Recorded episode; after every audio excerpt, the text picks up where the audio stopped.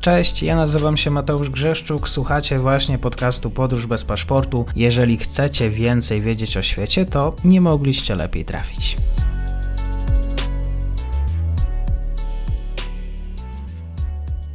Dzień dobry wszystkim słuchaczom. Dzisiaj jesteśmy w tematach niemieckich. Mam wielką przyjemność już też po dłuższej przerwie gościć na kanale. Jest ze mną dr Agnieszka Łada-Konefał z Niemieckiego Instytutu Spraw Polskich w Darmstadt. Dzień dobry pani doktor. Dzień dobry. Rozmawiamy o naszych sąsiadach już pod kątem często energetycznym, gospodarczym. Patrzymy na to, jak sobie radzi niemiecka gospodarka, patrzymy na to niemieckie przywództwo w Unii Europejskiej, również i wątek ukraiński jest szczególnie obecny, bo myślimy, zastanawiamy się, w jaki sposób Niemcy zareagują, jakie będą podejmować decyzje. Jeden wątek, który oczywiście pojawia się i zastanawiamy się, dlaczego Niemcy mówiąc wprost, podejmują takie decyzje, a nie inne, to fakt tego, że no w każdym kraju oczywiście, ale i w Niemczech w jakiś sposób pojawiają się wpływy, osoby, partie prorosyjskie. Niemieckie służby właściwie wywiadowcze ostrzegały nie tylko w ostatnim czasie, ale tak mam wrażenie, ostatnie dwa lata to pojawiały się takie komunikaty, ostrzegały przed Rosją. Szefowie właściwie dwóch największych niemieckich służb zarzucili prezydentowi Rosji że jakby poprzez inwazję na Ukrainę dokonał ataku też na cały Zachód. E, niemieckie służby też ostrzegały przed tymi wpływami w Rosji. Rosji, która jednak chciałaby mieć i chce mieć nadal wpływ na politykę Zachodu, a jak tutaj nie mieć tego wpływu bez samego Berlina. Gdybym poprosić panią doktor, może tak na początek, czy w jakiś sposób moglibyśmy rozróżnić, e, wyjaśnić słuchaczom, bo jeżeli mówi się o prorosyjskich wpływach w Niemczech, o prorosyjskich partiach, to o czym dzisiaj właściwie mówimy? O jakich środowiskach? Tak naprawdę mówimy o całej sieci e, wpływów, e, nie tylko o poszczególnych osobach czy środowiskach. I to jest kluczowe, e, żeby zrozumieć skalę i też zrozumieć, dlaczego Niemcy określane są jako ten bardziej wstrzemięźliwy wobec tutaj krytykowania Rosji, czy za mało pomagają Ukrainie, bo są to wpływy E, w całym świecie gospodarczym, ale uwaga, one nie wynikają z wielkości chociażby obrotów handlowych, czy patrzymy na eksport czy import, na wysokość Rosji w tych wszystkich tabelach, zestawieniach, jak ona jest ważna dla Niemiec, to nie o te liczby chodzi. Chodzi o wagę graczy gospodarczych e, rosyjskich w Niemczech. E, są to wpływy, które przez tą gospodarkę przeniknęły do polityki E, I tutaj znowu można powiedzieć głównie alternatywa dla Niemiec jako partia, czy partia Die Linke, czyli lewica, reprezentuje e, taki prorosyjski głos w Niemczech, ale nie tylko, e, bo także niektórzy premierzy landów wschodnich, i o tym też możemy pewnie porozmawiać dlaczego. No i wreszcie przez te gospodarcze i polityczne wpływy są też albo na tą gospodarkę i politykę wpływają lobbyści, czyli cały świat nie tylko takich osób zatrudnionych jako lobbyści, ale także przez taką miękką siłę pewne instytucje powołane, fundacje, które przez dostarczanie analiz, organizowanie różnych y, wydarzeń wpływają właśnie później na politykę, na decydentów, także na media. Czyli to nie jest jedno środowisko, tak naprawdę to zależy, gdzie przyłożymy ucho. To są e, reprezentanci różnych partii politycznych i to jest właśnie ta ciekawostka tych czołowych partii. To nie są absolutnie przedstawiciele alternatywy dla Niemiec. To jest e, chociażby premier Saksonii Kretschmer, który jest z CDU, to jest pani Szwejziś, która jest z Mecklenburgii i Pomorzu Przednim z SPD, ale to już nie jest land wschodni, to są także kolejni premierzy Bawarii. I teraz pytanie, dlaczego oni są tacy skierowani stronę Rosji, prorosyjscy? Jeżeli chodzi o cały ten zbiór, łącznie z Bawarią, no to chodzi po prostu o interesy gospodarcze. Tam po prostu są duże powiązania gospodarcze z Rosją, także duża zależność od rosyjskiego gazu. Ostatnio opowiadano mi w Saksonii, że jeżeli się mówi, że Niemcy ograniczają czy rezygnują z rosyjskiego gazu i to jest tylko tam ileś procent w skali całych Niemiec, ale ten procent przypada w znacznej części na przykład na Saksonię, więc w związku z tym dla nich to już jest ważny aspekt, że to ten kurek będzie przykręcony, o wiele ważniejszy niż w innych landach. Kolejna rzecz, jeżeli chodzi o landy wschodnie, to jest oczywiście historia niemiecka i to jest bardzo ciekawe, bo z jednej strony to była przecież wymuszona przyjaźń, partnerstwo. Niemcy wschodni musieli kochać Rosję, nią współpracować podczas zimnej wojny, ale pewny taki sentyment za taką stabilizacją, pewną pewnością pozostał. Pozostały także pewne struktury. Byli agenci Stasi, byli współpracownicy, no przecież nadal jeszcze żyją lub ich dzieci, rodziny. I to też ma pewne oddziaływanie na tą taką nostalgię w stronę Rosji. Wspomniała też pani doktor konkretnie o mediach, to znaczy to są media, konkretne tytuły. Jakbym mógł prosić o rozszerzenie? To jest już oczywiście w dzisiejszych czasach bardziej skomplikowane, bo to są, wszyscy się pewnie domyślą, media społecznościowe, gdzie każdy może coś zamieszczać, ale to są bardzo ciekawe sposoby działania, bo prorosyjskie trole, rosyjscy agenci tam działający posługują się no, fake newsami, ale żeby podbudować swoją opinię, cytują prestiżowe niemieckie media. Tylko, że przekręcają doniesienia tych mediów, czyli mówią, że jakaś gazeta typu FAZ, Süddeutsche Zeitung, Der Spiegel, czyli znane tytuły, coś napisały, ale przedstawiają to po swojemu. Ale to są także oczywiście e, media tradycyjne. Russia Today, e, czyli RT obecnie, działała w Niemczech, została zakazana, ale pewne wpływy pozostały.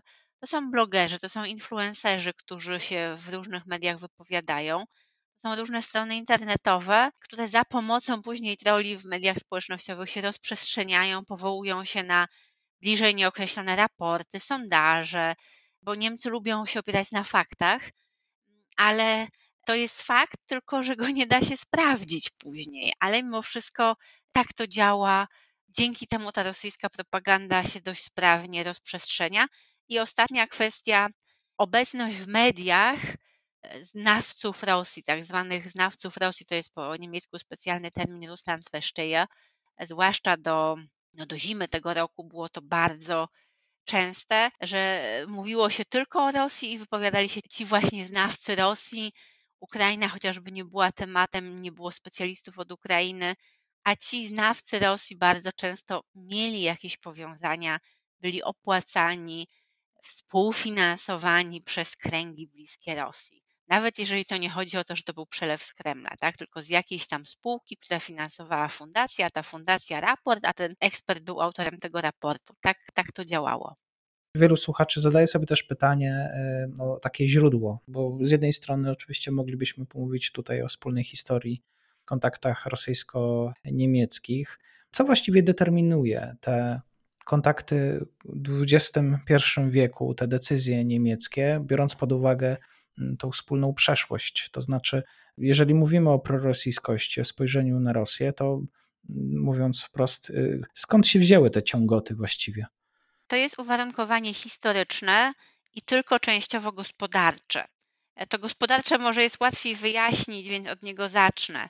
E, tak jak powiedziałam, to nie chodzi o liczby i o skalę kontaktów gospodarczych, bo chociażby z Holandią, z Polską jest ona znacznie, znacznie większa, więc to nie chodzi o te liczby w rankingach.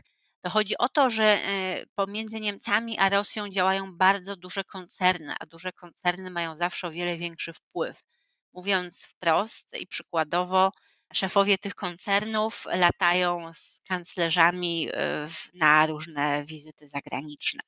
Bo normalnie to jest tak, że kanclerze zapraszają przedstawicieli dużych firm, ponieważ są duże firmy, jakieś rosyjskie, rosyjsko-niemieckie, oni ciągle towarzyszą gdzieś kanclerzowi, więc siłą rzeczy mogą na niego wywierać wpływ, bo ciągle się spotykają. To są przedstawicielstwa tych koncernów lub związanych z nimi fundacji w Berlinie, czyli bezpośredni kontakt, sąsiedztwo z ministerstwami, z urzędem kanclerskim. To jest znowu taki bezpośredni kontakt, który jest możliwy, żeby lobbować za swoimi interesami. Ale to jest tylko jedna strona. Druga strona to jest, tak jak wspomniałam, historia. I to jest taki mit wielkiej, pięknej, niepoznanej Rosji, rosyjskiej duszy. Niemców zawsze fascynowała. To jest bardzo dużo materiałów w mediach na temat bezkresnych rosyjskich stepów, wspaniałej rosyjskiej kultury, mm, wspaniałej przyszłości takiej bajecznej, która dotyczy tylko Rosji, nie dotyczy na przykład Ukrainy. Ukraina w tym opowiadaniu nie istnieje. I to jakoś tak łagodzi obraz tej Rosji dzisiejszej, autorytarnej, zbrodniczej. E, I to jest oczywiście jeden aspekt. Drugi to jest e, już ostatnia historia niemiecko-rosyjska, kiedy e, Rosja funkcjonuje jako ten spadkobierca ZSRR, czyli tego kraju, na który Niemcy napadły i pozabijały tam mnóstwo ludzi podczas II wojny światowej. Tylko, że przestaje się myśleć o tym, że to była także Ukraina i inne kraje, które wchodziły w skład ZSRR, i jakby nie mówi się, że my jako Niemcy jesteśmy coś Rosji winni, bo takie zbrodnie popełnialiśmy na Rosjanach. To nieprawda, bo ginęli Ukraińcy, inne narodowości, ale jest cały czas taki przekonania o winie odpowiedzialności niemieckiej wobec Rosji. I to wszystko się nakłada na to, że te kontakty z Rosją są zawsze postrzegane tak przez pryzmat powinności, na to się nakłada lobbying i właśnie ta siła rosyjskiej propagandy. I ostatnia kwestia, już może krócej, niemiecki pacyfizm. Oni zostali wychowani po II wojnie światowej w przekonaniu, że, że Niemcy nie powinni dostarczać broni, że nie powinni włączać się w konflikty militarne, że nie powinni sprzedawać ciężkiego sprzętu w rejony konfliktu, bo tak Niemcom wypada ze względu na historię. I w związku z tym każde dostarczanie broni, a jeszcze przeciw Rosji, która przecież właśnie tyle ucierpiała, jest jakby dla niemieckiej mentalności ciężkie do przełknięcia. To się zmienia, ale te lata tego funkcjonowania tych wszystkich obrazów oczywiście wpływają na e, dzisiejszy obraz. Powiedziała pani doktor o tej rosyjskiej kulturze, o tej rosyjskiej obecności, ale to jest tak, że rzeczywiście ona na poziomie edukacyjnym, rozmów, y, takim kulturalnym, też tego właściwie, co dzieje się na ulicach, e, w instytucjach kulturalnych, w jaki sposób ma odzwierciedlenie? Mówię o to obecność taką rosyjską, a nie tylko tą wyimaginowaną. Ona ma znaczenie i ta obecność jest realna, jeżeli popatrzymy chociażby na książki do historii, na no właśnie debaty medialne. Tak jak powiedziałam, chociażby eksperci zajmujący się Rosją i tłumaczący Rosję, broniący Rosji, są po prostu, albo może inaczej, byli do zimy tego roku normalnymi, standardowymi, zapraszanymi gośćmi do niemieckich mediów. Tam nie było tej tak zwanej przysłowiowej drugiej nóżki, czyli na przykład ekspertów znających się na Ukrainie, bo oni, owszem, w Niemczech gdzieś tam są poukrywani, ale to nie są osoby z pierwszych stron gazet, ich się tak nie zaprasza. I jeżeli nawet coś się mówiło o Ukrainie, to wypowiadali się na jej temat eksperci do spraw Rosji. To jest pierwsza kwestia. Druga, książki w szkołach, podręczniki szkolne. Znowu temat historii rosyjsko-niemieckiej, temat Rosji właśnie jako geograficznie, kulturalnie, owszem, istnieje i jemu się poświęca kolejne strony. W związku z tym to są fakty, które po prostu Niemcom towarzyszą. Do tego dochodzi ta nostalgia za komunizmem oraz wspomniany już lobbying. Jeżeli chodzi o komentowanie dzisiaj spraw rosyjsko-ukraińskich, rozumiem, że tutaj niemieckie media musiały trochę się nagimnastykować, żeby znaleźć rzeczywiście tych speców od Ukrainy, tak? Tak, i tutaj wielką, bardzo pożyteczną pracę wykonał już były obecnie ambasador Ukrainy w Niemczech, pan Melnyk, który w ostatnich tygodniach e, już się rozstał z placówką, wrócił na Ukrainę po wielu latach. On e, mówiący świetnie po niemiecku, co jest bardzo ważne, bo, bo to Niemcy bardzo cenią, jak mają takiego sprawnego rozmówcę, e, świetny retoryk, umiał świetnie kontrować wszystkie argumenty, umiał świetnie przedstawiać ukraiński punkt widzenia. Natomiast jeżeli chodzi właśnie o takich ekspertów do Ukrainy, w sprawach ukraińskich z uczelni, analityków, ich było bardzo niewielu. E, niemieckie media musiały troszeczkę poszukać, ale też powiem kolokwialnie odstawić tych ekspertów od Rosji, którzy tą Rosję chwalili, przedstawiali w pozytywnym świetle. To był duży zwrot w niemieckich mediach i także e, trzeba przyznać, że wielu komentatorów niemieckich mediów przyznało, przez lata popełnialiśmy błąd, nie wierzyliśmy Polakom czy Bałtom, że Rosja jest w stanie do takich zbrodni się dopuścić, że Rosja jest w stanie zaatakować drugi kraj, że Rosja jest w stanie przykręcić kurek z gazem. I, I, wielu niemieckich komentatorów faktycznie zaczęło w ten sposób argumentować, pisać. To jest wielka zmiana. I może jeszcze, jeżeli chodzi o media, też taka ostatnia obserwacja. Przez lata, jeżeli coś się działo w Ukrainie, pisali, komentowali to korespondenci z Rosji. No, jeżeli dobrze poszło, to z Warszawy, którzy mieli jakieś takie lepsze zrozumienie Ukrainy. Nie było tam korespondentów niemieckich. To też musiało ulec zmianie, że nagle wreszcie ktoś obserwuje Ukrainę ze strony ukraińskiej, a nie tylko patrząc z Moskwy i będąc jednak przesiąknięty tą rosyjską narracją. Pozostaje właściwie zapytać, co się dzisiaj z tymi ludźmi dzieje. Czy są zapraszani do dyskusji, czy właściwie też dyskutują, otwarcie dyskutują na temat tego, jak należy pomagać Ukrainie i jeszcze właściwie taki wpływ społeczny, jaki e, mają na dzisiejsze społeczeństwo. Jeżeli chodzi o tych o ekspertów, o tych lobbystów, też polityków, którzy kłaniali się bardziej ku Rosji, to bardzo różnie potoczyły się ich losy w ostatnich miesiącach. Niektórzy wprost przyznali, myliłem, myliłam się. Teraz widzę, że Rosja to zbrodniczy kraj. Trzeba wszystko zrobić, żeby pomóc Ukrainie. I tu takim no, najlepszym przykładem jest prezydent Steinmeier, który też e, był zawsze orędownikiem dialogu z Rosją, zbliżenia poprzez gospodarkę, negocjacji. On przyznał, pomyliłem się, trzeba teraz wspierać Ukrainę. Przykładem z drugiego bieguna jest Gerhard Schröder, który cały czas obstaje, że tutaj Rosja ma prawo, Putin wcale nie chce wojny. No to jest skrajny przypadek. Jest wielu pomiędzy tymi dwoma przypadkami, y, którzy albo zamilkli, y, albo też przyznali, że się mylili i się już po prostu nie wypowiadają, ale przyznali się do błędu.